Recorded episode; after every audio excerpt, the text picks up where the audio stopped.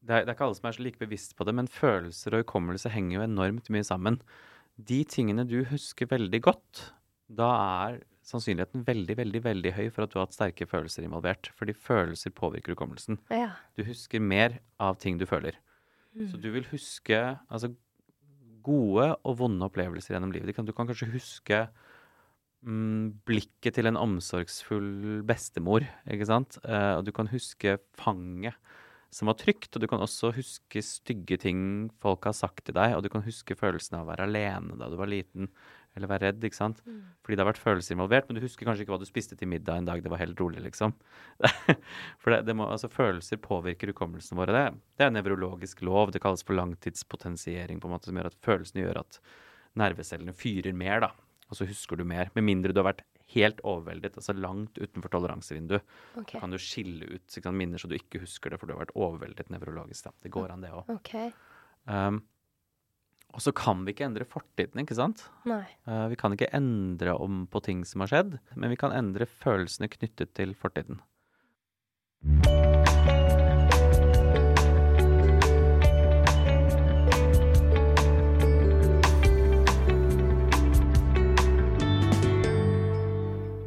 Hjertelig velkommen til første episode av podkasten 'Leger om livets tredje sesong'. Mitt navn er Anette Dragland. Jeg jobber som lege, og mitt store mål er å gjøre forskningsbasert og nyttig og spennende kunnskap, ikke minst, lett tilgjengelig for alle. I dag så er jeg så heldig å ha med meg en person som heter Aksel Inge Sinding. Han er en utrolig fascinerende person. Han eh, er psykolog med spesialisering innen emosjonsfokusert terapi, EFT, og emosjonsfokusert ferdighetstrening, som også heter EFST. Og han jobber jo som psykolog, men driver også med formidling gjennom foredrag, kurs og veiledning. Vi skal snakke om følelser, hvordan vi kan få det bedre med oss selv, hvordan vi kan føle oss mer robuste. Vi kommer til å snakke om, eh, litt om evolusjon, hvordan følelser setter seg i kroppen vår, og hva vi kan gjøre for å få det bedre, og hva vi kan gjøre i vår tilnærming til andre, og hvordan vi håndterer andre sine følelser, barna våre sine, bestevennen vår sin, eller mann eller kona si, eller ja, alle relasjonene i livet, hvordan vi kan komme nærmere hverandre. Og jeg er veldig glad for at dette er første episode i tredje sesong.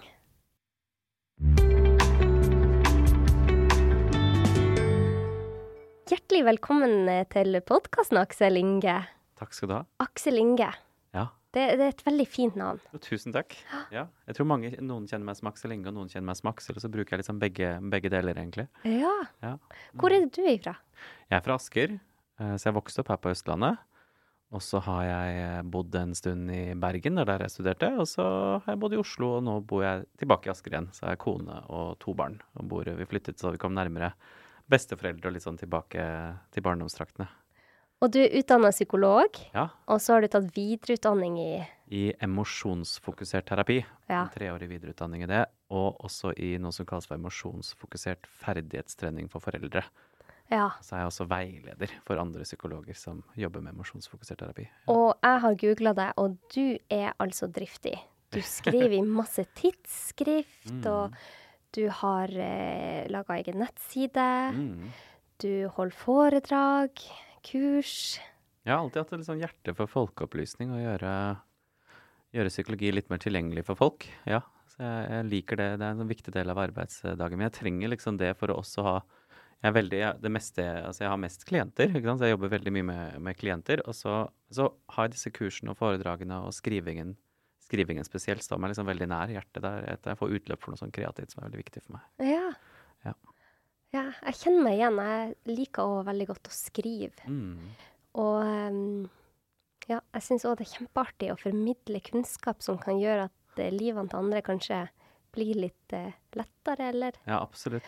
Det, ehm, det er vel kanskje derfor jeg starta podkasten. Ja, Eh, fordi at det er så utrolig mye vi kan gjøre for å få det bedre inni oss. absolutt. Og eh, du er jo en kjempegod formidler på dette. Tusen takk. Så nå skal vi gå inn på eh, emosjonsfokusert terapi. Men før det så vil jeg bare eh, snakke om boka di, for du har nettopp kommet ut med en ny bok. Du har en gammel bok som heter Gammel og gammel, men 2017, ja. fra 2017, som heter Klok på følelser. Mm. Og så har du en nå som heter Selvkritisk. Mm. Og den boka gleder jeg meg til å lese. Ja. For det er så mye man kan lære der. Man har jo alle en indre kritiker, og jeg tror det var undertittelen på boka. Et møte med din indre kritiker, ja. Ja. Mm. Og det å lære seg teknikker for å ikke høre på han eller hun så ofte. Mm.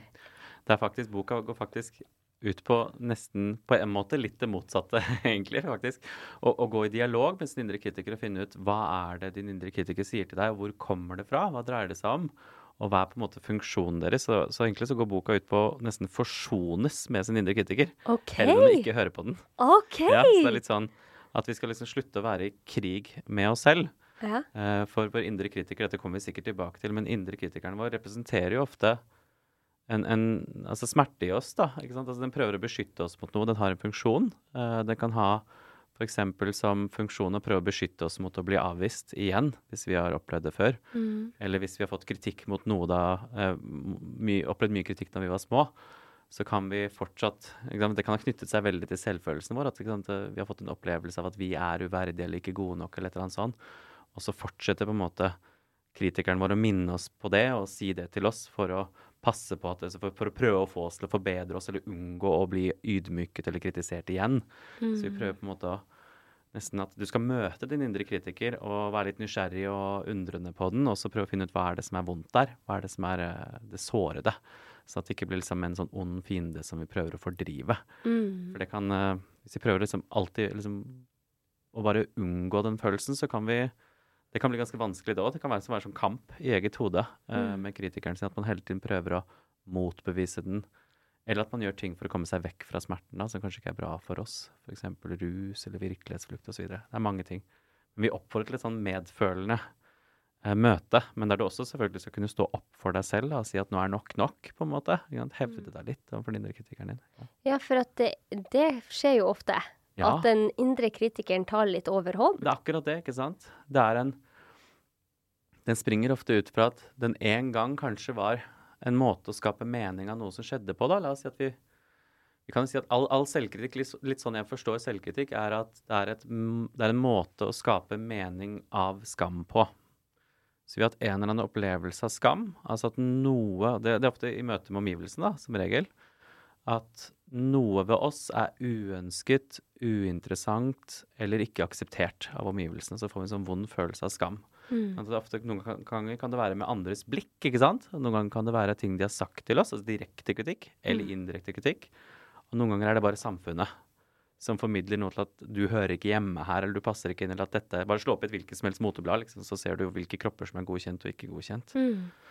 Og så får vi en sånn vond opplevelse av skam. Og selvkritikk er på en måte den måten vi skaper å prøve, prøver å skape mening av skammen på. Og da er det altså at jeg har denne vonde følelsen fordi det er noe galt med meg. Mm. Det er noe feil. Og så er det den indre kritikeren er på en måte manifestasjonen av selvkritikk. Det kan man si. Det er litt sånn jeg ser på det. Så hva gjør man? Altså, eh, Nå hopper vi litt til sides her, men jeg syns dette er kjempeinteressant. Vi kunne hatt en egen episode egentlig på selvkritikk. Ja, for det er kjempespennende tema. vi, nå er vi allerede midt inne i på en måte, hva er endringsprosessen i den terapiformen jeg kommer fra, da. Ja, for at Ja. OK, vi, vi, får, vi får hoppe litt tilbake. Fordi at det du jobber med, er jo emosjonsfokusert terapi. Mhm. Og det er jo som du sier eh, nå med eh, din indre kritiker. Mm. Det handler ikke om å skyve følelser unna, Nei, men å kanskje faktisk kjenne på dem. helt riktig. Hva er egentlig emosjonsfokusert terapi?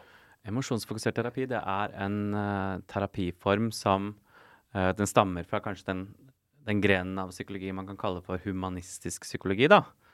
Eh, så den bygger veldig på sånn humanistiske prinsipper i, i bånn. Altså sånn likeverdighet. At du, du, skal, du og terapeuten din er bare to mennesker på en måte som møtes. ikke sant? Skal egentlig være ganske likeverdige i rommet.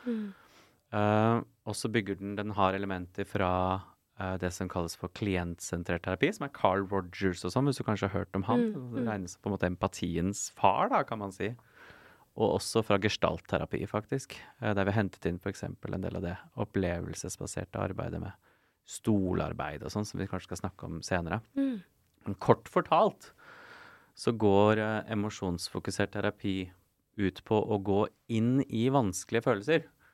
Inn i vanskelige, fastlåste følelser, utforske dem, sette ord til dem, skape mening av dem og oppleve dem i kroppen i øyeblikket. Mm. Og også potensielt endre dem med andre, mer hjelpsomme følelser. Mm. Det er endringsmodellen vår, liksom oppsummert. Gå inn i noe. Aktivere vonde følelser, altså gå inn i dem for å lindre eller endre dem med andre følelser. Mm. Og skal det gjøres i en trygg relasjon, så det bygger veldig på Altså empati er på en måte det viktigste virkemidlet. Så terapeuter, alle emosjonsfokuserte terapeuter er veldig mye øvd opp i hvordan kan du være empatisk og aksepterende og humanistisk med klientene dine. Mm. Ja, for vi snakka så vidt om det før eh, vi slo på podkasten, at Mm. det er jo stor forskjell mellom å være sympatisk og empatisk. Mm, mm. Og det har jeg vært veldig bevisst på i mine møter med mine pasienter. For at hvis jeg er sympatisk mot mine pasienter, så blir det fort gjort at jeg syns synd i de, og stakkars deg, og det blir en sånn mur imellom oss. Men ved å være empatisk i møtet, så vil ikke pasienten min føle de er under meg på noe vis, eller at det blir Alle vet hvordan det er å bli syntes synd i. Det er veldig ubehagelig. Absolutt. Men ved å være empatisk, så relaterer man seg til deres problemer, og Mm. kanskje klarer å kjenne hvordan de har det. Mm. Og jeg føler at veldig mye godt kommer ut ifra de samtalene. Helt klart. Men hvordan syns du det er, du som jobber med det hele dagen Ja. i møte med pasientene? Føler du at uh, du selv blir sliten av å være så mye i andre sine følelser, eller syns du det går fint? Jeg syns egentlig det går ganske fint. Uh, det, det, det er noen forskjeller, det er noen nyanser der. Altså Så lenge det vi snakker om er viktig og på en måte ekte og litt sånn det det, det handler om på et vis for det mennesket, uh, så syns jeg det er veldig givende og veldig godt. Uh, det kan gi meg påfyll og energi. Altså jeg kan Før så jeg jobbet som Før jeg begynte med EFT, da, eller emosjonsfokusert terapi, EFT, så jobbet jeg med to andre terapiformer som kalles for kognitiv atferdsterapi og metakognitiv terapi. Og da opplevde jeg i større grad at eh, jeg måtte jobbe med det tilbød verktøy, teknikker, eh, og at på en måte jeg skulle De kom til meg som en ekspert, og så skulle jeg gi dem noe, på en måte, som endret noe. Og det syns jeg var mer slitsomt. Ja. Eh, mens jeg ser nok rollen min som det, det, kan, det bør ikke bare ha med terapiformen å gjøre, det kan også ha med min utvikling som terapeut. Da, at jeg rett og slett er litt mer moden terapeut nå enn jeg var da. Men nå ser jeg det ikke som mitt forsøk å prøve altså at, at min, oppgave, at jeg, min oppgave er å endre deg ikke sant? Altså, som, klient. Min oppgave er å være med deg Mm. og hjelpe deg med å utforske noe. Og være tilgjengelig som støtte. Og da syns jeg det er mye Jo mindre jeg, altså jo mer jeg har skjønt at jeg, jeg skal føle med, og være med og være en medvandrer i det, så jo mindre belastende har det blitt. Hm. Så selv om det er høyere emosjonelt trykk i timene mine nå, for all del, Ja. så er det faktisk mer uh, vitaliserende, da, vil jeg si. Oi, spennende. Så er det forskjeller der, og det tror jeg vi kommer til å komme innom etter hvert, sikkert. Men det er forskjellige typer emosjonelle prosesser der noen er litt mer uh, uttømmende enn andre. på en måte. Noen er litt mer slitsomme å være i enn andre. Mm. Men eh, dere går mye på følelser. Mm. Men hva er forskjellen på en emosjon og en følelse? Jeg har egentlig litt lyst til å trekke inn enda et begrep, og det er affekt. Uh, vi kan ha tre, tre sånne begreper som vi ofte bruker, som mange bruker litt sånn om hverandre, men som er litt forskjellige. Det er affekt, følelser og emosjoner. Og affekter er de grunnleggende sånn biologiske programmene vi har med oss fra naturens side. Så for eksempel, liksom, hvis jeg plutselig hadde skreket kjempehøyt nå, så hadde du skvettet. ikke sant? Det er Mm. affekten overraskelse. Okay. Eller hvis noe er for mye for fort for deg, så er det affekten frykt. Det er liksom sånn den mest grunnleggende bestanddelen som alle mennesker har med seg. ikke sant? Hvis det er for mye for fort. Mm. Eller hvis det kommer en veldig vondt stimulus, veldig, veldig raskt Stimulus, det er en teit ting å si. hvis det kommer en veldig sånn vond ting veldig raskt, så vil de fleste bli sinte. Ja. Det er affekten sinne. Ja. ikke sant? Og så er følelse Det er egentlig bare vår subjektive opplevelse av en affekt. Så i det øyeblikket vi blir bevisst vår affekt, at det er noe i kroppen vår som skjer, ikke sant, og vi tillegger denne meningen, sånn at nå blir jeg Nå, nå skvatt jeg fordi Aksel skrek kjempehøyt. Så er det følelsen av overraskel- overraskelse. Mm. Eller at nå er jeg sint fordi han sa noe stygt til meg. ikke sant? Det er en følelse av sinne. Og så er det emosjoner. Og emosjoner er ikke bare ferskvare i øyeblikket. Det er noe mer. Det er hele vår læringshistorie knyttet til de affektene og de følelsene. Så emosjoner er på en måte din Dine emosjoner er din bibliografi, da. Alle de For hver gang du føler disse følelsene, ikke sant, føler affekter og følelser, så lagrer du også informasjon. Du lærer om verden og hvordan den fungerer, og hva kan du forvente og sånn. Mm. Det vil utgjøre dine emosjoner, da. Så du kan Det som er litt sånn spennende, er at hver gang vi opplever en affekt, så vil det kunne utløse en følelse, og hver gang vi har en følelse, så vil det kunne utløse en emosjon. Så derfor så vil folk føle forskjellig, ikke sant. Så du og jeg, for eksempel, kan oppleve nøyaktig samme stimuli, og så vil vi reagere forskjellig på det ut ifra både vårt nervesystem og Mm. vår, eh, altså vår sensitivitet, da, vårt temperament, Mm. men også ut ifra våre erfaringer med de følelsene. Altså noen kan gå rundt og f.eks. ha ja, sånn selvkritikk, da, som vi snakket om. Hvis du har blitt kritisert masse ikke sant, opp gjennom hele oppveksten, eller du har blitt utsatt Du har alltid hatt den følelsen av å være utenfor. Så kan det plutselig bli avvist i nåtid være veldig veldig vondt, fordi det vekker også den gamle emosjonen av skam, som er mer sånn grunnleggende følelse at det er noe galt med meg, enn et menneske som f.eks. har følt seg ganske akseptert. Så Mm. det er emosjonen er ofte noe større, da. Mm. Okay. Ok. enkelt sett, for, liksom, for lytteren, da, så vil jeg si at affekt er liksom øyeblikket, det er kroppen, ikke sant, i øyeblikket. Følelser varer ofte liksom et par sekunder. Mens når vi er sånn dårlig humør over lengre tid, så er det nesten alltid emosjoner som foregår. Ja, Yes. emosjoner. Skikkelig spennende. Mm. Eh, men du snakka jo om dette med primær- og sekundærfølelser. Mm. Og det må jeg si at når jeg lærte om primær- og sekundærfølelser, så tenkte jeg hvorfor har jeg ikke lært dette når jeg var tre år? Mm. For det er så mange lag av følelser, og Ja. det er veldig greit å rydde i sitt eget hode. Eh, I hvert fall føler jeg det når jeg tar meg selv i å føle en følelse på en følelse. Mm. La oss si at jeg kommer hjem til mannen min, og så er jeg skikkelig lei meg for et eller annet. Mm.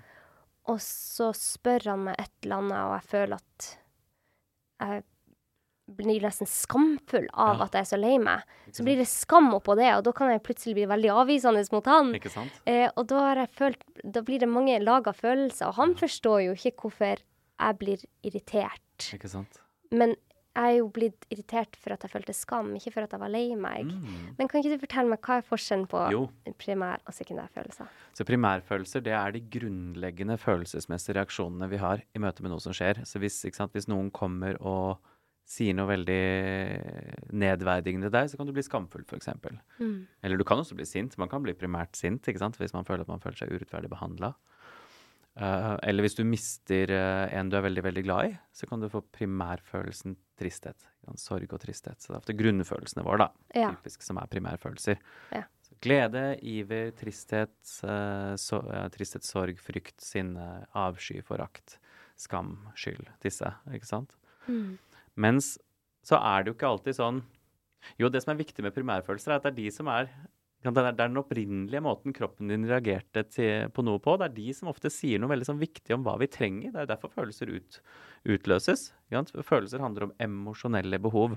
Så primærfølelsen din er kjempeviktig, for de informerer deg om noe du trenger. Så hvis, du, hvis noen sier noe til deg, du kjenner deg skamfull, så er det emosjonelle behovet å bli respektert, bekreftet og få anerkjennelse, f.eks. Ja. Det er viktig. Hvis du får det da, så vil den skammen gå bort igjen. ikke Mm. sant? Eller hvis du savner noen og sørger over noen, så er behovet gjerne trøst og omsorg og støtte. Og hvis du får det, så vil også sorgen lindres litt. ikke sant? Mm. Um, men så er det ikke alltid vi vet hva vi føler. Mm. Uh, det er ikke alltid vi legger merke til det. Det er ikke alltid det er tillatt å vise. Og det handler nok en gang om erfaringene våre igjen. ikke sant? Er, vi kan ha vokst opp på at noen følelser er mer forbudt enn andre. Og mer godtatt enn andre. Og da, da vil du fort kunne få andre følelsesmessige reaksjoner istedenfor. Det er det vi kaller for sekundærfølelser. Og sekundærfølelser, det er kort fortalt altså det du føler om det du føler. Mm. Så du kan bli sint fordi du har en følelse i kroppen. Eller du kan bli skamfull over en følelse. Mm. For eksempel, jeg er ikke så veldig glad i å være redd. Det er en følelse jeg liker dårlig, så primærfølelsen av frykt den er ikke jeg så glad i å ha. Uh, og så fort når jeg kjenner at jeg blir redd, så blir jeg fort skamfull. Og så blir jeg litt sånn selvkritisk og sånn Nei, nå må du ikke være så jævlig feig, liksom. Jeg kan bli litt sånn. Så er det noen ganger så merker jeg nesten at jeg er redd ved at jeg går rundt og skammer meg over det. Ja. Så altså, jeg merker sekundærfølelsen først. ja. Ikke sant? Og så bare, å fader, nå er jeg sikkert der igjen. Ja, det er det som foregår nå. Mm. Og som sånn eksempel som du ga, er veldig typisk. ikke sant? At vi blir irritert eller sint. Veldig typisk sekundærfølelse. I parkrangler så tror jeg veldig mange krangler er Begge partene er i sekundærfølelser og krangler med hverandre og er sinte. Og så føler de egentlig ofte på noe mer sårbart, som f.eks. at du respekterer meg ikke. Eh, jeg føler meg alene. Eh, jeg føler ikke at du verdsetter meg og, og liker meg som den jeg er. Det handler ofte om mer sånn sårbare ting, da. Mm. Som er mye vanskeligere å prate om enn eh, Mye vanskeligere. Mm. Ja. Men som er også viktig å prate om, for det er der det emosjonelle behovet ligger. For sinne, sekundærfølelsen, kan ofte sende helt andre signaler, ikke sant? La oss si at du er sint på partneren din, da. Du egentlig ikke føler deg respektert og tatt vare på eller verdsatt eller prioritert. Og så trenger du egentlig at han eh, kommer nærmere deg og viser at han vil være med deg og, og liker deg som den du er. Men så blir du sint ikke sant? hver gang dette skjer, hver gang dette rører seg i deg. Og så skyver du ham vekk istedenfor. For Mm. ja. jeg, sånn, jeg pleier Mm. å tøyse litt med at nesten sånn alle sånne Hollywood-filmer om sånn litt sånn gamle, grinete menn er bygget opp på den, den fortellingen. liksom, Nå tøyser jeg det litt til. Men at de er, de er liksom triste eller lei seg for et eller annet, og så er de sinte på overflaten. Ja. Ja, Og så trenger de egentlig trøst. Men dette tror jeg er veldig vanlig i de tusen hjem, altså. Kjempe. Og at man kommer Man vil ha nærhet, Ja. og så skyver man heller bort. Mm. Det er utrolig rart at vi driver på sånn her. Det er jo en måte å beskytte oss på. Ja. Det, en, det, det føles tryggere på et vis, ikke sant? Og så kan det være at eh, den følelsen føles så umulig. Fordi det er det med oppveksten vår igjen, at vi kan ha laget En følelse er ikke bare en følelse, du har også masse forventninger knyttet til den følelsen. da. Mm. Eksempel sorg, da. Hvis du har fått veldig lite trøst og omsorg og hjelp når du har vært lei deg når du har vært liten, så kan du ha en sånn forventning om at det er ikke hjelp å få når jeg er trist. Altså, Mm. Det vil ikke lede til noe godt. Så da må jeg bare ha det bort. ikke sant? Da kan man begynne å skyve folk unna, f.eks. For, eksempel, for å beskytte seg mot den smerten. da. Så det, det er liksom, Jeg syns jo sånn i, Jo mer jeg snakker med folk, altså når de kommer inn, nesten uansett hvordan følelsesuttrykket er, hvis vi blir litt ved det og utforsker og er aksepterende med det som foregår, så gir det alltid mening, liksom. At folk føler som de føler, til syvende og sist. ja. Ja. Ikke sant? Vi er mye mer sammenhengende enn vi tror. Ja. Men hvordan er det der med å gå inn i følelser? Det er jo, mm. det er jo ikke lett. Nei. For det, det, det er nesten en kunst i seg selv å bli Å tørre å kjenne på egne følelser. Jeg husker for ti år siden så gjorde jeg alt jeg kunne for å skyve unna alle følelsene mine, og jeg skulle bare ha det bra hele tida. Mm. Og det, det er jo litt sånn standarden i samfunnet, at vi skal jo bare ha det bra hele tida. Og hvis vi ikke har det bra, så er det noe galt med oss. Ja, det er en sånn grunnholdning, nesten. Ja. Absolutt. Eh, men hvorfor er det så viktig å kjenne på følelsene sine? Ja, altså, det ene er jo altså, det mest åpenbare svaret, på en måte, er at det er følelsene våre som forteller oss om hva vi trenger dypest sett. Men du kan si at det er veldig mange terapiformer og samtaler som dreier seg om følelser, men der man ikke er i følelsene sine. Jeg tror ganske mange snakker mye om følelser, men uten å være i følelsene. Vi kan snakke om at vi blir redde, men å vise et annet menneske at du er redd, det er noe annet. Mm. Eller at vi kan snakke om ting vi ikke liker med oss selv, men å sitte der og kjenne at dette er jeg virkelig ikke stolt over å være meg selv, og nå får du se det. Altså være i følelsen, som du sier. Det er noe litt annet. Og der er jo emosjonsfokusert terapi Ikke bare emosjonsfokusert terapi, men også andre terapiformer. Men de som er veldig sånn følelsesorienterte, i hvert fall, da, er ganske opptatt av at vi endrer en følelse best når den er aktivert. Altså vi, vi må aktivere den for å endre den. Vi må ankomme et sted før vi kan gå derfra. Ja. Så det hjelper ikke å bare snakke om følelser. Vi må gå inn i de. Og det når, så, så la oss si at du hadde veldig veldig mange opplevelser av å ikke føle deg respektert og akseptert. Da.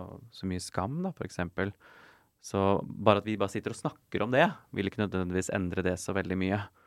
Men hvis du kan sitte og kjenne på den følelsen overfor meg, Mm. og du allikevel føler deg akseptert og tålt som den du er i det øyeblikket, og kjenner det i kroppen din, altså kan møte blikket mitt og se at jeg føler med deg, at jeg er med deg, Mm. ikke at jeg ser ned på eller føler sympati, men empati, så er det mer transformerende enn at vi bare snakker om det. Så, så det vi prøver i FT, uh, men altså, som også i mange andre terapiformer som er, at vi prøver å aktivere følelsen i rommet. Så vi skal ikke bare snakke om det, vi skal være i det. Hvordan gjør man det?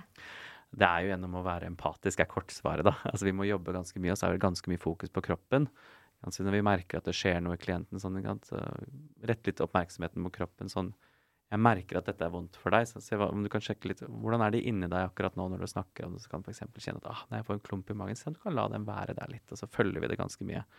Prøver å aktivere det i rommet, da. Mm. Så dere kjenner eh, etter følelsene Mm. Altså i dere, for du, har jo også, du får jo òg Ja, ja. opptrening i dette. Jeg må bruke mine egne følelser og mitt eget følelsesmessige apparat som et lite kompass, da, som Ja. er med deg. Um, så jeg må jo kjenne litt til mine egne følelser. Jeg må skille mellom hva er mitt og hva er ditt, Ja. ikke, ikke, ikke minst, ikke sant? Ja. Og så må jeg jo bruke mine egne erfaringer, opplevelser og følelser som en måte å sette meg inn i hvordan det er for deg. Mm. Uh, der vil jeg jo si at um, vi vet mye mer om det å være et menneske enn vi tror, de fleste av oss. Men vi er ikke alltid så villige til å gå inn i oss selv for å finne noe som samsvarer, for det kan være litt skummelt. Hvis vi selv også syns det er litt skummelt med disse følelsene, da, ikke sant. Altså, nå snakker jeg litt sånn om lekfolk. Jeg tror terapeuter ofte, eller terapeuter må også øve masse, masse på dette. Øve på å kunne tåle det å kjenne at man er trist, f.eks. For å sette seg inn i en annen persons tristhet. Kunne tåle at ting er håpløst, eller Ja. Men så man skal prøve å beskrive hvor man kjenner følelsen. Mm. For eksempel for meg, så når jeg blir urolig for noe, så kjenner jeg det ofte i brystet. Mm. Og så skal man prøve å kjenne etter den følelsen, hvor den sitter. Ja, det er en av, en av tingene vi bruker, på en måte. Men kanskje det vi i størst grad prøver å gjøre, er at vi prøver å hjelpe til med å øke følelsen i øyeblikket ved å sette virkelig ord på hvordan det oppleves for deg, samtidig som vi er koblet på kroppen. Men vi merker veldig fort om et menneske er koblet på kroppen sin eller ikke. Ja. Man hører forskjell på måten de snakker på. uh, om de snakker med Hva kan man si, altså uh, om, om kroppen og hodet er i synk, da, Ja. eller ikke. Det det- merker man ganske fort. Og man merker det jo selv. Ja. Hvis jeg forteller om en hendelse som var veldig ja. eh, negativ for meg, f.eks., Yes. men så har av og til så kan jeg merke at jeg er helt distansert til det, det jeg forteller om. Mm. Eh, så det er jo ikke alltid lett å koble seg på følelsene heller, og det er sikkert ikke alltid nødvendig, men i den sammenhengen så er det jo nødvendig. Ikke sant? Så hvordan får du de til å koble seg på følelsen? Nei, altså, ja, det er, det er vanskelig å liksom oppsummere sånn kort setning. Men da jobber vi masse ikke sant, med å tippe. Altså, vi, må, vi må rette samtalen fra å handle om et narrativ. Altså hva, hva skjedde? Vi går fra hva skjedde til hvordan oppleves det. Ja. Vis, ikke sant? Så jeg er ikke så bare interessert i hendelsesforløpet. Ja. Jeg er mer interessert i hvordan oppleves det å være deg der, ikke sant. Så ikke sant, hvis du forteller om ja, og så skjedde det, og så skjedde det, og så sånn og sånn og sånn og sånn, og sånn, og så sa han det, og så sa han det, og så kan jeg si noe sånt. Så det gjorde noe med deg. Det skjedde noe på innsiden din når han sa det. Mm. Ja, sier du kanskje sånn Det var liksom nedverdigende. Ja, akkurat som han ydmyket deg eller trøkket deg ned i søla. ikke sant? Og så trykker vi litt på der det kanskje gjør vondt, da. Da må vi følge ganske med på hvordan kropp, altså hvordan klienten din har det. da. Så vi må følge med på hva, hva skjer i deg, hvor blir du aktivert i kroppen din. Eh, Når kjenner vi at vår Vi får jo kroppslige responser i møte med andres følelser òg, ikke sant? Altså, Mm. typ, det tipper jeg de fleste av dere har kjent. Bare, jeg synes Et godt eksempel er bryllup. da. Mm. Vær i bryllup, og så hører du på disse talene. Mm. Og så kan man høre at de kanskje er kanskje litt sånn stressa og anspent. Da kan man kanskje bare synes det er litt sånn ubehagelig, for Ja, eksempel. Det er sånn type sånn sekundærfølelse. Ja. Sånn stressa og anspent der. Angst er veldig typisk sekundærfølelse. Um, men i det øyeblikket de plutselig kommer til noe sånn Og jeg er så glad i deg', liksom sånn, jeg, jeg, jeg ønsker deg så godt, og jeg elsker deg som det mennesket du er. Og det er sånn ektefølt hjerte. Så, Mm. så kommer liksom våre tårer med en gang. Så får vi sånn gåsehud nedover Jeg kjenner bare du sier. Ja, jeg var i bryllup i helgen, det er derfor jeg har det litt eh, tilgjengelig. Og, liksom, og akkurat de øyeblikkene der, da er vi en primærfølelse. Ja. Primærfølelser vekker mer empati i oss enn sekundærfølelser, som ofte er litt sånn inkongruente følelser på et vis. At man kanskje viser mange forskjellige følelser på en gang, f.eks. Eller ja. Og jeg tror vi, vi mennesker er konstruert til å merke det ganske fort om de vi snakker med, er ekte. Ja, absolutt. Altså jeg vil si at den evnen til å gjenkjenne andres følelser er nesten medfødt. Ja. Altså barna våre, bare se på barn, de er kjempeempatiske. De merker med en gang når noen er triste. Jeg husker bare for et par dager siden så satt jeg med kona mi og så fortalte jeg om noe som jeg syntes var veldig, jeg, jeg syntes var veldig vanskelig. Og så ble jeg lei meg. Og så, kontoret, så kommer med en gang lille gutten min bort på halvannet år bort og skal ha klem. Ja, Han ser det med en gang. ja det, men det er helt utrolig. Så han merket at nå foregikk det noe i pappa, på en måte. Ja. Ja. Ja, det, jeg har òg merka det veldig med, med barna mine, hvor utrolig kobla på de er Ja. mine følelser. Absolutt. Så eh, man kan ikke skjule ting for barna Nei, vi lekker følelser. Ja, vi gjør det. Vi gjør det. Og, og det gir mening, ikke sant. For altså følelsene Det er liksom å ha fram med følelsenes viktighet, at de, de er et signalsystem. Ikke sant? Altså både internt, de skal informere deg om hva du trenger, men de er også kommunikative og relasjonelle. Så det handler mellom mennesker. Mm. Det var sånn vi kommuniserte med hverandre før vi hadde tanker og språk. Hvis du spoler tilbake evolusjonsmessig, så er følelser ganske mange millioner år eldre enn uh, enn tanker og språk. Mm. Så jeg vil si at noen ganger så er det nesten umulig å finne de riktige ordene til en følelse. Ikke sant? For det er noe mer sånn Det er et ganske vanskelig prosjekt. Ikke sant? Mm. Finne ord som stemmer overens med din opplevelse. Men kanskje det er det emosjonsfokusert terapi og mange andre følelsesorienterte terapiformer Det er mange retninger her som gjør mye av det samme. Mm. Stort overlapp. Um, at vi prøver å finne ord og skape mening og finne en eller annen form for at altså det, det er kongruent, det resonnerer med hvordan vi har det på innsiden. Og så er det ganske lindrende i seg selv. Mm.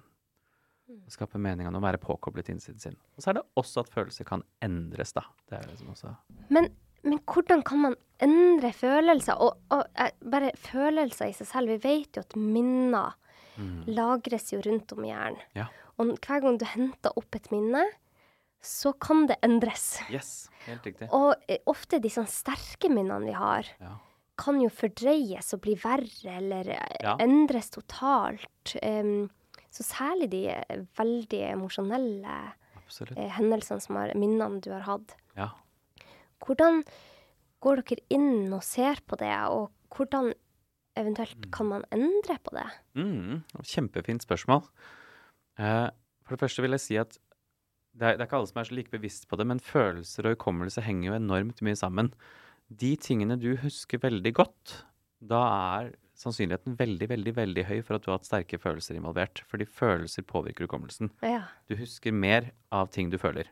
Mm. Så du vil huske altså, gode og vonde opplevelser gjennom livet. Du kan, du kan kanskje huske mm, blikket til en omsorgsfull bestemor, ikke sant? Eh, og du kan huske fanget som var trygt, og du kan også huske stygge ting folk har sagt til deg, og du kan huske følelsen av å være alene da du var liten, eller være redd, ikke sant? Mm. Fordi det har vært følelser involvert, men du husker kanskje ikke hva du spiste til middag en dag det var helt rolig, liksom. For det, det må, altså, følelser påvirker hukommelsen vår. Det, det er en nevrologisk lov. Det kalles for langtidspotensiering, på en måte, som gjør at følelsene gjør at nervecellene fyrer mer, da.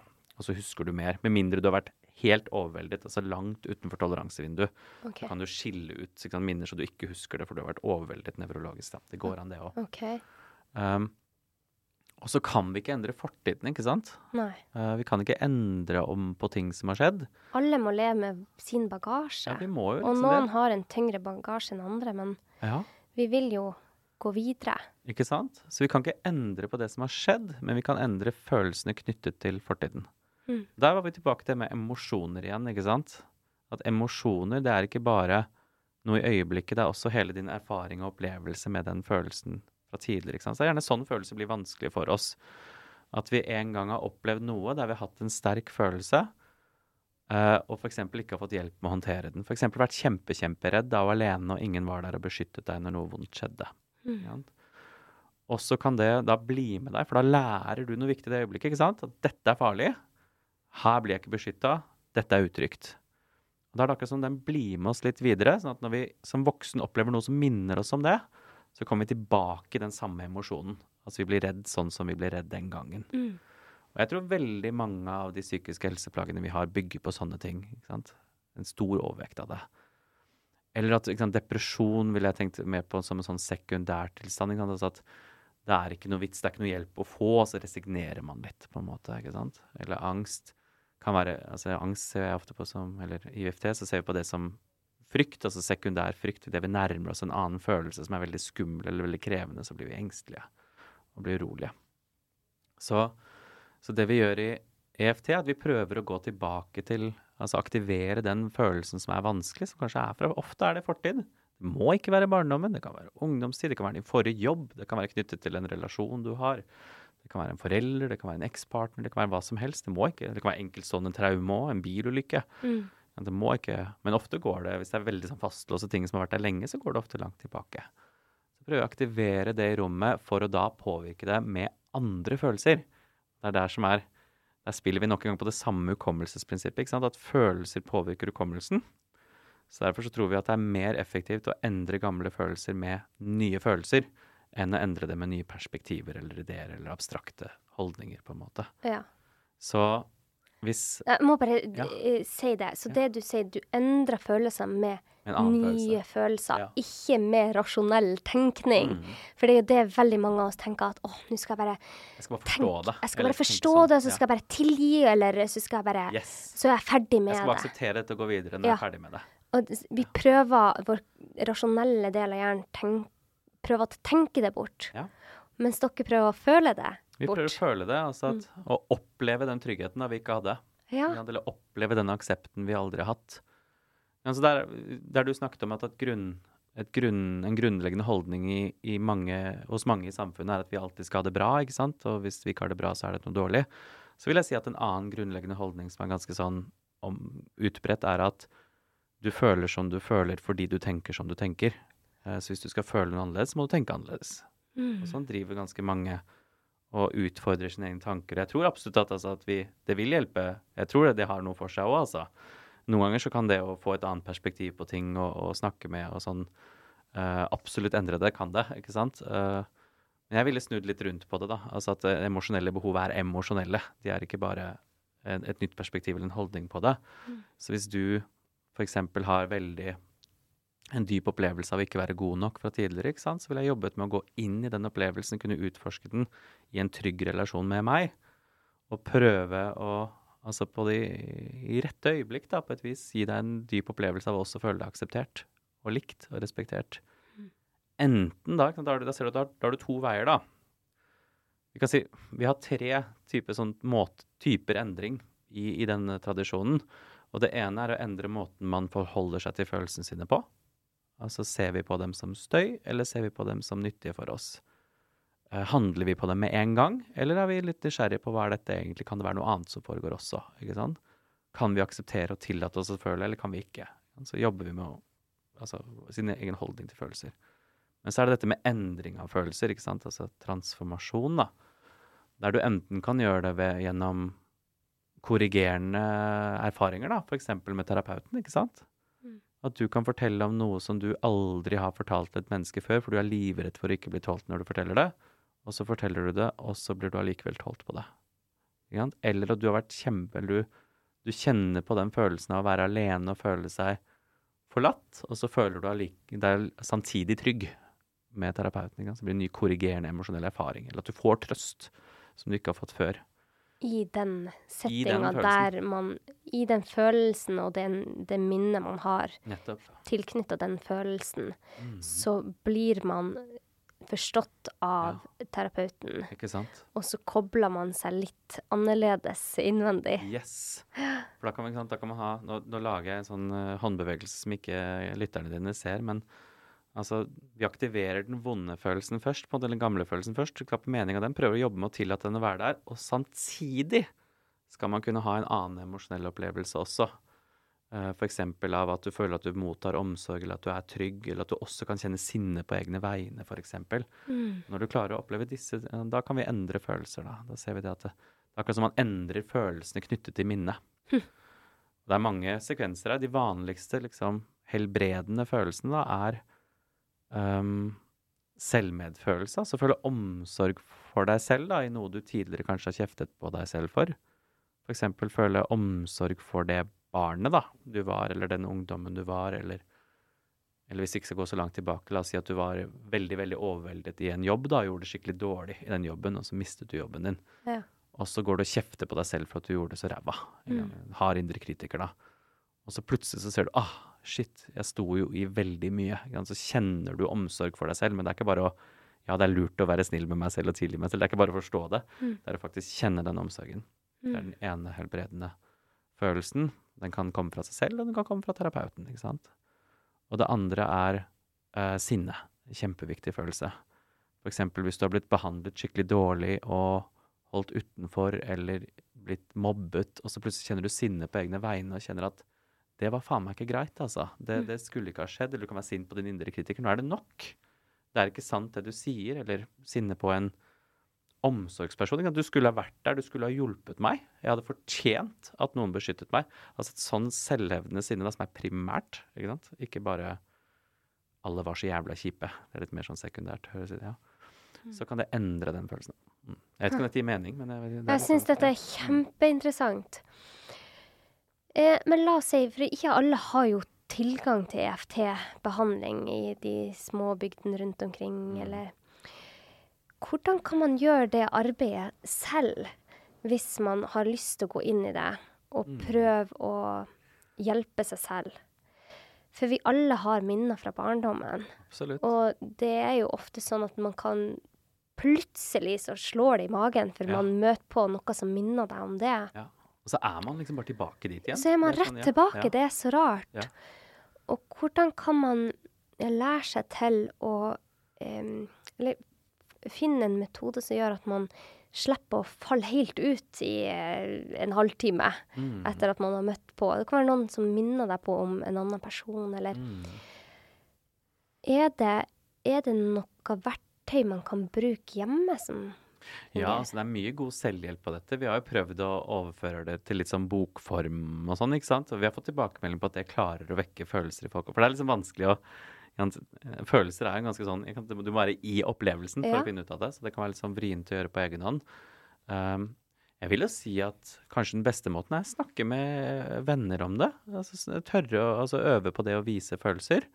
Uh, snakke, med det, snakke med folk om det. Tørre å bare sette ord på hvordan det er, og hvordan Mm. det har vært. Så tror jeg at vi kan være mye bedre Altså, vi kan være ganske helsebringende med hverandre i vanlige relasjoner. Jeg syns ikke helsepersonell skal ha monopol på vonde følelser, på en måte. Nei. Og så er det jo å øve på Det er mange terapitradisjoner som går litt sånn ut på det samme her, å gå inn i vonde ting, ikke sant? Um, og for eksempel der syns jeg mindfulness har mye fornuftig for seg, ikke sant? Altså være oppmerksom på Bare å jobbe med å tillate noe å være der, da. Kanskje Mm. første steget. Mm. Kanskje det første steget da, er å legge merke til at du føler noe. Mm. Ja, Det er kanskje det første steget. Og det, jeg må bare ja. eh, si noe der at Ja. det er vanskelig, bare det steget Ja. der, å komme opp i bevisstheten rundt Yes. egne følelser. Jeg husker Ofte bare handler vi på det. Ja, man bare handler, og man er i underbevisstheten veldig mye. Og jeg husker når jeg hadde en veldig vanskelig periode i livet når jeg gikk femte år på medisinstudiet, og jeg skulle Jeg leste mye psykologi da, jeg prøvde å finne ut hvordan kan jeg få det bedre. Mm. Og så prøvde jeg dette med mindfulness. Og jeg husker jeg syntes det var så vanskelig. Mm. Jeg syntes det var så vondt. Jeg fikk, så, jeg fikk sånn rask pust, og Ja. hjertet hamra, for det var så vondt å kjenne hvordan man hadde det. Absolutt. Så det tror jeg er viktig å få fram at det er ganske vanlig å få sånne reaksjoner. Og jeg Ja. bare, jeg bare styrta ut av det rommet etter to minutter med mindfulness, for Mm. det jeg klarte ikke å være med meg selv. Nettopp. Og så gikk jeg litt lengre, og litt gradvis, gradvis, så klarte jeg å være med mine egne følelser og min egen pust, da. Helt klart. Men det er, det, det er en liten prosess. Ja, for en forventning mange har til mindfulness f.eks., er at ja, da skal det bli rolig. Ja. Eh, Jeg har en god kollega som har jobbet veldig mye med mindfulness, og som har vært buddhistmunk og sånn. Jaran Olsen heter han. Og han sier altså hva, hva ser du når det stilner? Altså når det klarner, hva ser du? På en måte, du, du ser det som er, eh, sier han alltid. Der. Så kanskje det du vender oppmerksomhet inn, og hvis du ikke har det bra, så vil det ofte komme, da vil det ubehaget komme frem. Ikke Mm. sant? Som du sier, ikke sant? når du faktisk kjente til hvordan du hadde det, så ble det ganske mye Det ble, det ble vondt. Mm. Ikke sant? Så, så på en måte Uansett hvilken Jeg er jo ikke sånn spesielt innenfor mindfulness-tradisjonen, egentlig. Jeg jobber kanskje mer med det som kalles for selvmedfølelse, eller self-compassion, i, i dette. Ja. Uh, men du må i hvert fall legge merke til at nå foregår det noe i meg. Hvordan har jeg det egentlig? Mm. Stoppe opp, kjenne etter i kroppen. Jeg vil si kroppen er liksom hovedveien, kongeveien til følelser, da. Mm. Uh, følelsene våre er vel Altså nesten mer fysiske enn de er psykiske, ville jeg sagt. Altså man, man, føler i, man føler i kroppen. Man føler ikke i hodet. Hodet er tankene våre, på en måte. Uh, altså hva, hva er det som foregår i meg nå? Hva står mellom meg og det å ha det bra, f.eks.? Altså et eller annet som starter med et sånn. Prøve å kjenne til hva er det som foregår i kroppen min. Og så er neste steg her å prøve å tillate det å være der. Mm. Og det kan være ganske vanskelig. Sånn som du sa, man kan kjempe det bort med en gang. Der kommer våre egne holdninger til våre følelser fram veldig fort. Vi kan bli selvkritiske. Skjerp deg, ta deg sammen, slutt å Nå burde du se på en annen måte. Herregud, alle de andre klarer det, ikke du, liksom. Mm, Begynner man mm. sånn. Og bare tillate det å være der. Det kan være gjennom å legge en vennlig hånd over der du har det. Puste. På en måte hvile i at jeg har denne følelsen av en grunn. På en er, følelser er mye mer logiske enn vi tror. Det er alltid en grunn til at vi føler det vi føler. Men det kan hende at det ikke gir skyldig mening fordi vi f.eks. er i sekundærfølelsen. Altså uro og angst f.eks. er veldig ofte sekundært. ikke sant? Prøve å bli litt ved det, og prøve å Det er steg tre. Det er prøve å sette ord til det. Jeg føler meg Eller det er som om øh, Kanskje jeg er redd. Ja, hva er det jeg er redd for? Jeg er redd for Så prøv Og da er liksom jobben å prøve å finne ord som stemmer litt overens med kroppen din. Altså der, som det resonnerer eller er kongruent da, med innsiden. Og det merker man ganske fort. Hvis man øver litt på det, så merker man at man må smake på ordene. Det kan nesten hjelpe å si det høyt ut. Jeg er redd. Så er det akkurat som kroppen din gir et signal om det er riktig eller ikke. Ofte ved at følelsen øker lite grann hvis du treffer. Så prøver man, tester man ut forskjellige ord. Så er neste steg å finne ut hva det er jeg trenger når jeg har det sånn. Ja. Behovet. Det er viktig. Ja. Så det er en sånn slags sånn trinnvis mm, måte å gå fram på hvis man vil øve litt på egen hånd. Først legg merke til. Uh, prøv å tillate det å være der. Prøv å sette ord til det, og prøv å kjenne litt hva du trenger når du har det sånn.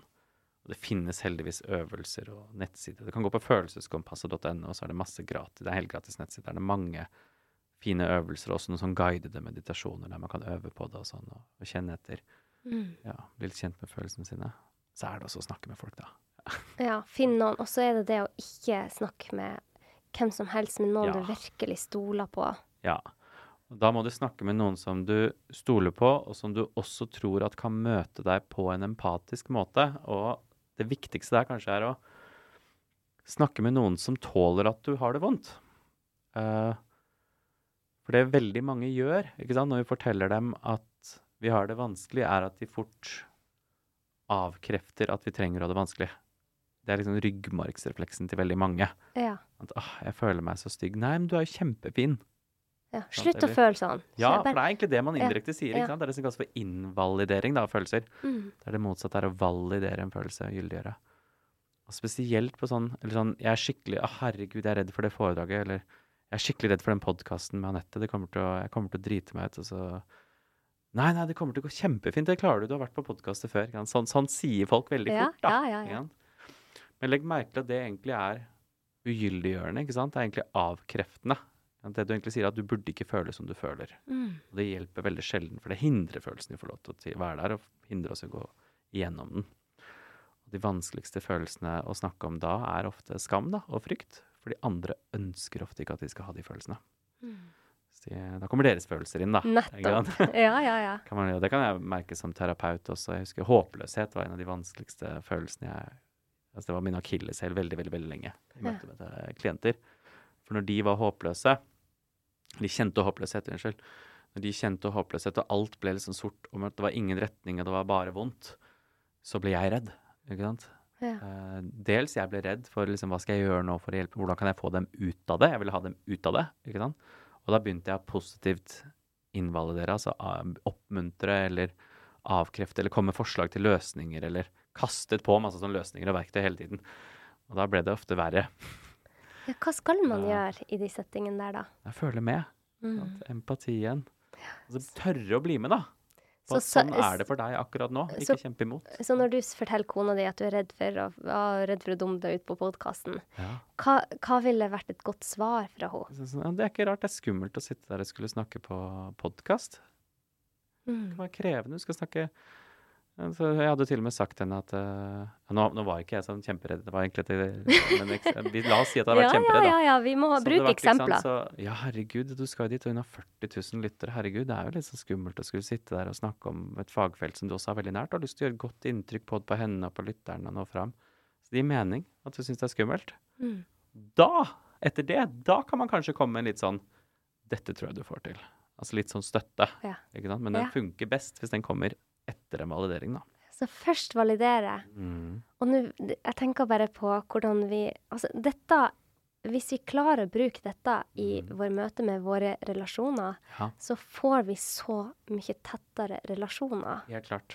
Vi skjønner hverandre på en mye dypere måte. Mm. Og ikke minst barna våre. For, Det er kjempeviktig barneoppdragelse. for Ja. barn er jo kjempegode på å føle følelser. Yes. Men vi voksne er også veldig gode på å prøve å dytte bort de følelsene. Helt Hvis riktig. barnet kommer hjem og han har spilla fotball, men han fikk ikke lov å være med, så han måtte dra hjem. Han føler Mm. på skam og usikkerhet og utrygghet og Mm. føler seg ikke likt. Mm. Så det er veldig lett å si som foreldre «Å, men du er så bra, og Ja, ikke bry deg om hva de sier, og dette går så bra, og neste gang så bare gjør du sånn og sånn og sånn. Ikke sant? Eh, mot å validere deres følelser. Helt riktig. Ja. For da Bare bli med på at det er skikkelig kjipt. Oh, ja. og det er en drittfølelse å ha, ikke sant? Og ikke få lov til å være med, og du kjenner at du ikke er like god som de andre, det gjør skikkelig vondt. Og det gjør vondt for oss som det. skal eh, snakke med barnet, eller Mm. bestevennen sin om det. Vi kjenner jo på det at det er vondt. Nettopp. Nettopp. Men det har en sånn helende effekt, det Det har det. For det du egentlig gjør, ikke sant? Det, det kan høres ut som bare ord. For standardvalidering er liksom, Du kan bryte den til språk, og det er typisk bundet opp Dette er et av nøkkelverktøyene da, som terapeuter har. Spesielt, Vi bruker det veldig I emosjonsfokusert terapi så har vi i hvert fall åtte da, ulike empatiske intervensjoner eh, som vi bruker liksom på ulike tidspunkter. Det er litt teknisk, akkurat det. Ja. Men det må alltid være ekte og i øyeblikk og tilpasset. Men det er ulike måter man kan vise empati på, og validering er en av de. Ja. Men er den kanskje den viktigste. For det det viser, ikke sant Det kan høres ut som det bare er ord, ved at man sier noe sånt Det er ikke rart at du føler det slik, fordi sånn og sånn og sånn. Ja, det er egentlig det, sånn ofte det er bygget opp. Eller så klart du kjenner det sånn. Selvfølgelig du blir sint, han behandler deg skikkelig dårlig. ikke sant? Mm. Men det du egentlig gjør, er jo å vise at jeg hører deg, jeg ser deg, jeg tar følelsen din på alvor. Du har lov til å føle det sånn som det er, og det gir mening at du føler det du føler. Mm. At jeg kan, jeg kan leve meg inn i det, jeg kan, jeg kan være med deg i det. Og du er ikke gæren som har det sånn, på en måte. Du er ikke ko-ko. Ja. Og, og det er ganske viktig, for da, da er vi med da, med klienten vår, eller barna våre, eller hvem det er vi gjør det overfor, eller kollega, eller vi kan gjøre det for voksne og alle. Altså vi viser, vi, vi hjelper til å bygge bro mellom innsiden og opplevelsen og det som foregår. Og vi hjelper dem å tillate en følelse å være der. Eh, så det er kanskje det validering er viktigst for, da, å hjelpe til med å tillate en følelse og akseptere den.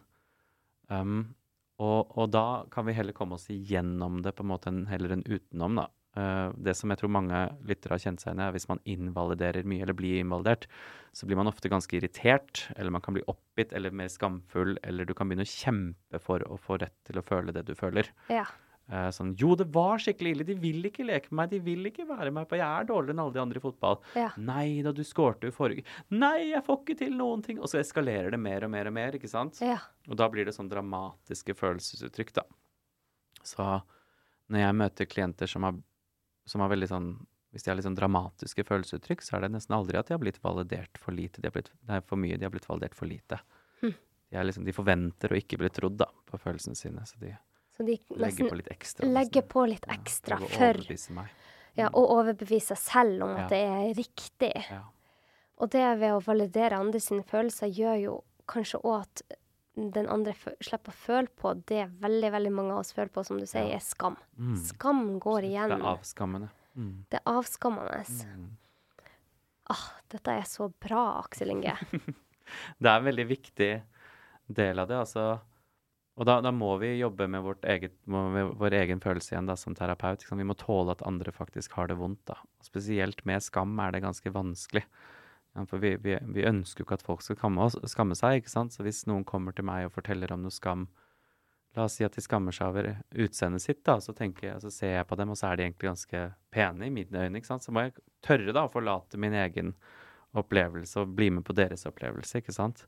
For det kan være så fristende å gå rett til å invalidere eller ugyldiggjøre eller avkrefte den andres følelser, men det Mm. vil ikke være så hjelpsomt, faktisk.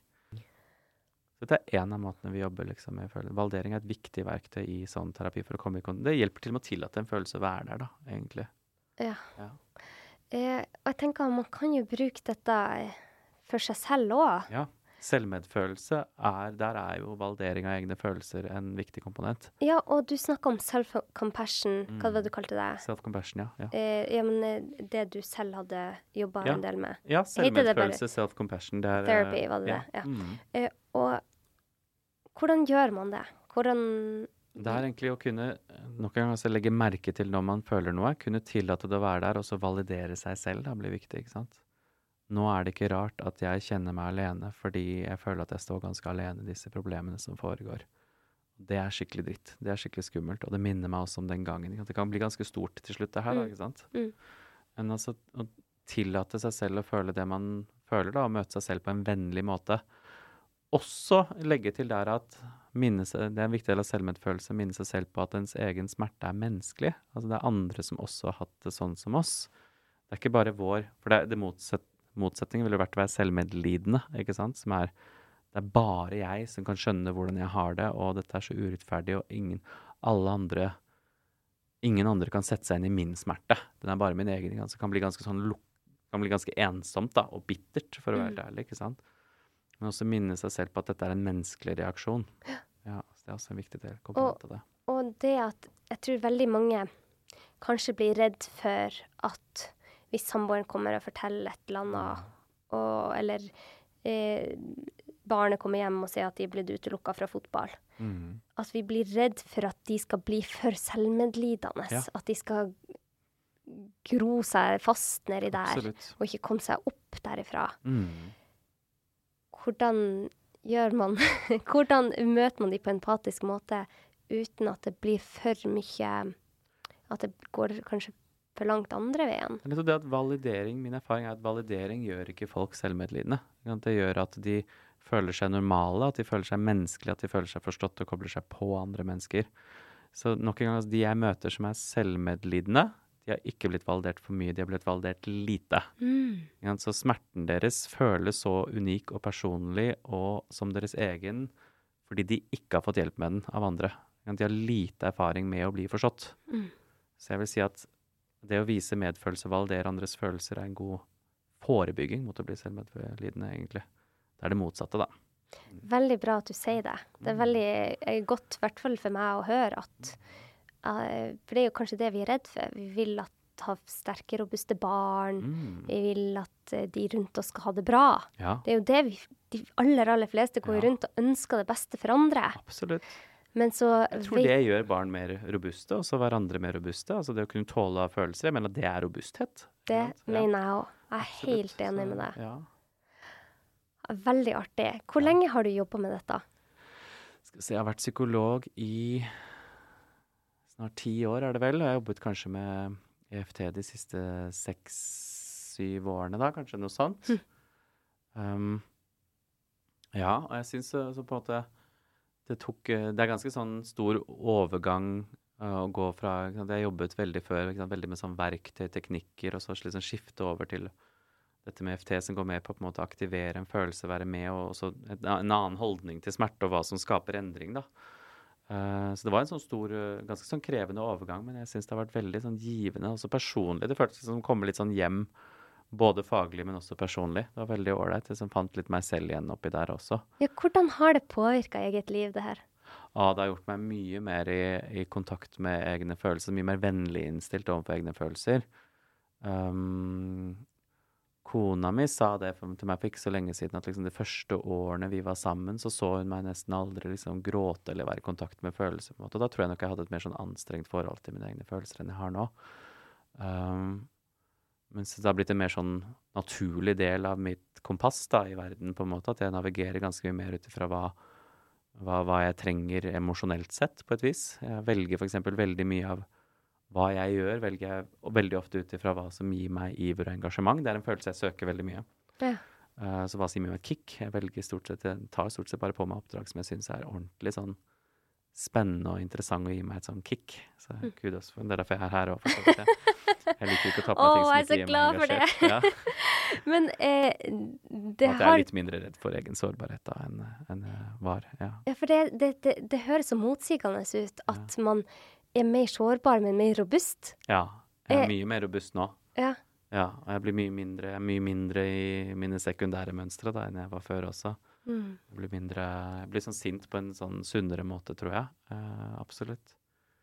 Så det er, det er veldig sånn spennende. Altså, vi, vi må jobbe masse, vi går i egenterapi og, og må jo og det, det gjør jo også noe med oss også å, å jobbe med mennesker hele tiden og så oppleve historier og leve seg inn i andres liv. ikke sant? Så begynner vi, da begynner man ganske naturlig. Hvis man ikke da begynner å granske seg selv, så er man litt rart skrudd sammen, tror jeg. ja.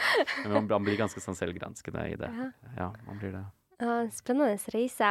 Men eh, jeg må spørre deg, for jeg, jeg syns mm. dette er kjempespennende. Det er blitt veldig mye snakk om eh, Du snakker om at følelser er i kroppen. Mm. Men det er mye snakk om nå at eh, følelser setter seg spesielle plasser i kroppen. Mm. Jeg har en venninne som eh, har eh, eh, Som er helt solgt på dette med yoga. Mm. Hun mener at eh, hun har fått ut mye følelser, gamle følelser gjennom yoga. Absolutt. Men hva, hva, er, hva betyr dette? Kan ikke du fortelle? Jo, jo, altså Det gir veldig mening. Jeg, jeg er veldig med på den, den linja. Uh, jeg, jeg ser på følelser som fysiske fenomener, ikke psykiske. Ikke sant? Det er nerveceller, det er hormoner, det er nervebaner. ikke sant? Vagusnerven fra hjernen ned til magen f.eks. Kjempeinvolvert i mange følelser. Så Derfor så føler du ofte følelsene dine rundt omkring i kroppen. Sorg kjennes typisk liksom i magen, ikke sant? som tomrom, eller at noe mangler. Eller en vond klump i halsen, ikke sant. Skam Min erfaring er at mange klienter beskriver at den er sånn i mellomgulvet. eh, og at du synker fremover, ikke sant. Og man ser også det, man ser også det studier at skam f.eks. utvider blodårene i nakken og, og, og, og skuldrene og hjernen, sånn at du blir litt sånn forfjamset og får litt sånn, et litt sånn sjokk, sånn kognitivt sjokk, og mister litt sånn tråden, og du synker litt framover, og du føler deg fysisk tyngre, da, Ja. enn du gjør når du eh, ikke skammer deg. Og frykt, ikke sant? ofte trykk i brystet og et sånn sug nedover i magen. Det er ganske sånn forskjellige altså, Mens glede kan være veldig sånn Du føler deg lett. du føler sant? Og sinne, du kan føle deg sterk. ikke sant? Du stødigere. Så det er veldig sånn forskjell. Det kan ta et eksempel fra idrettens verden. Så ser du fotballspillere når de er sinte og dominante og får med seg hjemmepublikum, så løper de fortere. Mens en, en, en, fotballspiller som akkurat har skåret selvmål, da vil du se på statistikken at den spilleren løper saktere etterpå og gjør mer feil. Ja. Ja, fordi det, det endrer kroppen vår. Ja. Det, er- det er kroppslig. Det er jo kjempespennende. Til og med, til og med metabolismen i Altså til og med knoklene dine endrer metabolisme når du er redd. Da må Mm. sette inn altså HPA-aksen, altså Dette kjenner du til, ja, selvfølgelig, ja. ikke sant? At fight or flight-responsen påvirker metabolismen inni beina dine. Så du kjenner det bokstavelig talt i marg og bein. Det er ganske spennende. Det Det er er så fett. spennende. Så det er, det er masse fysisk å gjøre, og derfor så Det merker du at når du er sint, så kjenner du deg mer energisk. Så skammer deg så tyngre. Og også redd, da er du veldig Da kan du løpe fort. En redd mor kan løfte en bil nesten, ikke sant? Ja, ja. Uh, og det er fordi det er fysisk, og derfor så bruker vi ofte også kroppen for å regulere følelsene våre. Altså det vanligste vi bruker, er jo pust og muskler, da, ikke sant? Så vi, eh, vi puster og sukker og ikke sant, gjør vi, Det vet de fleste at det er nedregulerende. da. Så legg merke til at når du har en kollega som går forbi deg og gjør så er det ofte en eller annen form for regulering av følelser. Det er det. Mm. Eller at uh, vi strammer magemusklene. Jeg har ofte klienter som har stramme magemuskler. ikke sant? Sånn, stramme her rundt eh, mellomgulvet. Eller stramme hofter går også veldig sånn igjen. Stive hofter. Og stiv Ja. nakke kjenner jo de fleste på. ja. At når de har vært stressa eller veldig sånn uh, urolig lenge og ikke hatt det bra, så er de ofte veldig stive i nakken. Mm. Fordi vi bruker musklene våre og kroppen vår for å døyve fysiske responser, da. Mm. Og derfor så tenker jeg det gir veldig mening det med yoga, ikke sant. Det, det jeg har hørt går igjen der, er spesielt når man tøyer muskler i hofte og lår uh, og i mageregionen. At da kan mange få sånne veldig emosjonelle opplevelser, at de f.eks. begynner å gråte. Og Ja. sånn. Jeg tror det er rett og slett at man på en måte nesten går sånn fysisk til verk da, for å hindre seg selv i Altså, og stopper den uh, reguleringen, da, på et vis, av følelser. Uh, vi jobber litt med det i EFT også. Vi, ja, vi kan jobbe mye med sånn, ikke sant? så se om du kan slappe av litt i skuldrene når du snakker nå, og se om du kan på en måte sette beina i, i bakken, ikke ha de over hverandre, og slappe av litt i hendene, legg merke til hendene nå, hva skjer der, og sånn ser vi. Ofte så ser vi at kroppen reagerer før. For eksempel, eh, typisk vi ser, ofte kan se i EFT, er hvis vi jobber med skam, da, og selvkritikk, da er liksom den, den en av de helbredende følelsene er sinne. Altså, sånn, fordi det er veldig selvhevdende. ikke sant? Altså, sunt selvhevdende sinne handler om det motsatte av skam på et vis. Skam er å være uverdig, ikke være god nok, ikke ha rett til å ta plass. Men sinne er nesten det motsatte. Sinne er jeg fortjener, eller jeg ønsker det, jeg godtar det, jeg godtar ikke det. Mm. Jeg vil ha det. Det er en veldig sånn kraft utad. Veldig motsatt fysiologisk respons også fra skam. Der skam er deaktiverende, så er sinne veldig mobiliserende. ikke sant? Mm. Så kan vi ofte se at dette sinnet kommer i kroppen etter hvert. Man ser de begynner å stramme hendene sine, f.eks., når de begynner å snakke om ting som er vanskelig og sånn. Så det er litt sånn spennende. Men det gir veldig mening der. ikke sant? Yoga, men ikke bare yoga. Også bare å slippe opp, bare puste ned i magen, kan gjøre at ganske mange følelser blir litt lettere tilgjengelig. Eller uh, psykomotorisk fysioterapi, magemassasje. Jeg vet, eh, det er folk som driver med magemassasje, som ofte har klienter som får veldig sterke emosjonelle reaksjoner. da. Huh. Det er masse sånt som går igjen. Det er kjempespennende felt, det her. Jeg syns det er litt sånn interessant. Altså, Ja. Og at det setter seg ulike steder, gir veldig sånn mening i mitt hode også. Der kan vi se. Jeg er ikke så veldig sånn uh, Jeg husker jeg, jeg var i India en gang på sånn um, eh, Hva heter det? Uh, nå husker jeg ikke hva den meditasjonen Nei, den massasjen Ashtanga? het. Nei. Nei, det var noe sånn avariana, et eller annet sånn Ayurveda? ja, ayurveda, takk. Ja. Det var sånn massasje. Og det, det gjorde ikke så veldig mye for meg. Da kan jeg si Det var litt sånn, det var litt sånn klein affære, egentlig. Men jeg husker jeg så et sånt kart. Han hadde en sånn, sånn plansje han hadde på, på veggen med masse med bilde over alle sjakraene. Ja. Eh, og så så jeg at hm, nesten alle de sjakraene liksom samsvarer med steder der hvor klientene mine forteller om følelser. da. Og det var veldig sånn spennende. Så hofte på begge sider, og mage og mellomgulv, og bryst og hals og, og, og tinningene. Så det er veldig sånn, det er veldig interessant. Jeg tror det er sånn Det er mye visdom i eh, mange tusen år. Ja, altså det er jo Mennesker har prøvd å forstå mennesker i mange mange, mange tusen år, og Ja. jeg tror veldig mange holder på med mye av det samme, egentlig. Og så, vi, og så finner vi nye ord og, og nye innfallsvinkler og sånn, og så prøver vi alle å forstå litt av det samme. Dette, jeg syns dette er noe av det mest spennende jeg kan prate om. Og jeg er så glad, Aksel Inge, for at du ville være med i podkasten. Jeg vet at du skal på et nytt møte, så det, tida bare flyr. Ja, men, men vi begynte jo med å snakke om boka 'Selvkritisk'. Mhm. Og um, vi rekker ikke å gå mer inn på det, Nei. så veldig dypt inn på det. Men uh, det jeg konkluderer med etter den timen med deg nå, er jo at man blir jo mer robust av å bruke dette. Ja. Og kanskje man også føler seg mindre selvkritisk da, Absolutt. ved å kjenne på egne følelser. Mm, absolutt. Det er, en kjempe, det er et så spennende tema, og jeg kommer garantert til å invitere deg tilbake. Ja, så for vi- hyggelig. vi har masse Gjerne. å prate Det har vi. Absolutt. Absolutt. Eh, Jeg har alltid et siste spørsmål jeg stiller ja. mine gjester. Ja. Og det er Hvis du skulle forlate denne verden, Ja. og alt du hadde gjort og sagt var blitt viska bort Ja. utenom tre ting Ja. Et sitat eller råd eller eh, noe du har lært som har vært viktig for deg i ditt liv, hva ville det vært? Oi, det er vanskelig spørsmål. Her skulle jeg ha forberedt meg, hører jeg. Um, kanskje litt sånn ut ifra hva vi har snakket om i dag, da, at eh, det første er på en måte at dine følelser er der av en grunn. ikke sant? Du føler som du føler av en grunn, og det forteller deg noe viktig. Så det er lurt å prøve å være oppmerksom på når du føler noe, og prøve å tillate å utforske det litt. grann. og tillate egen sårbarhet. Det er ganske viktig. Vær litt sånn nysgjerrig og medfølende på innsiden din. Også de vonde følelsene du kanskje ikke ønsker at skal være der. De er viktige. De forteller deg noe du trenger. Det er kanskje det første. Um, og det andre må være at følelser er ment å være mellom mennesker. Uh, vi er ikke ment å være triste aleine, eller være redde aleine, eller sitte og være sint alene. På en måte. Vi, vi er ment å dele det med andre mennesker. Det er, det er et språk, på en måte. Så da må vi tørre å vise sårbarhet, men også vise når, når grensen har gått. Da. Vi må tørre å, å jobbe med det og prøve å uttrykke følelser, altså vise det. Og det er noe annet enn å bare si det. ikke sant? Bare si, det er å vise det med kroppen. Vise det med, med hele væremåten din. Så faktisk vise egen sårbarhet. Jeg har, jeg har en sånn øvelse jeg ofte gjør med, når jeg snakker om følelser, med, spesielt med ungdom, men også unge voksne. eh, Der jeg spør alle i publikum, jeg ber dem rekke opp hånda, så sier jeg så, hvem av dere liker at andre viser sårbarhet? Og da rekker nesten alltid sånn 97-98% opp, da. Rekker opp hånda. Og så spør jeg alltid seinere sånn, hvor, hvor mange av dere liker å vise sårbarhet selv?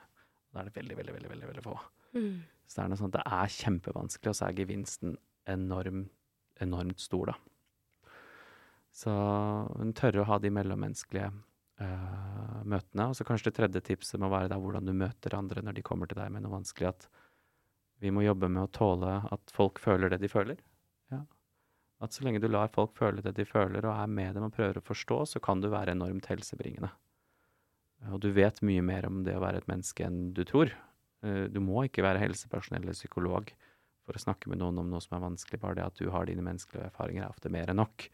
Og den største bøygen er ikke å lære hva man skal si, den største bøygen er å tørre å tåle at et annet menneske ikke har det bra, og prøve å forstå. Da må man møte sine egne følelser på en også. Mhm. Noe sånt, kanskje.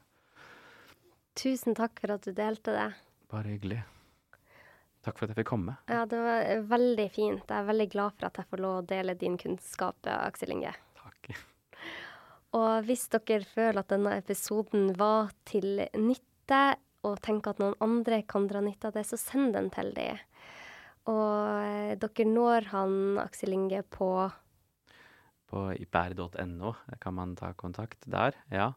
Um, altså har nettsider kan vise følelseskompass.no, lese bøker og da, ja, litt sånne ting. Ja. Ja, Og- og så tilhører jeg en klinikk som heter Institutt for psykologisk rådgivning, da. Mm.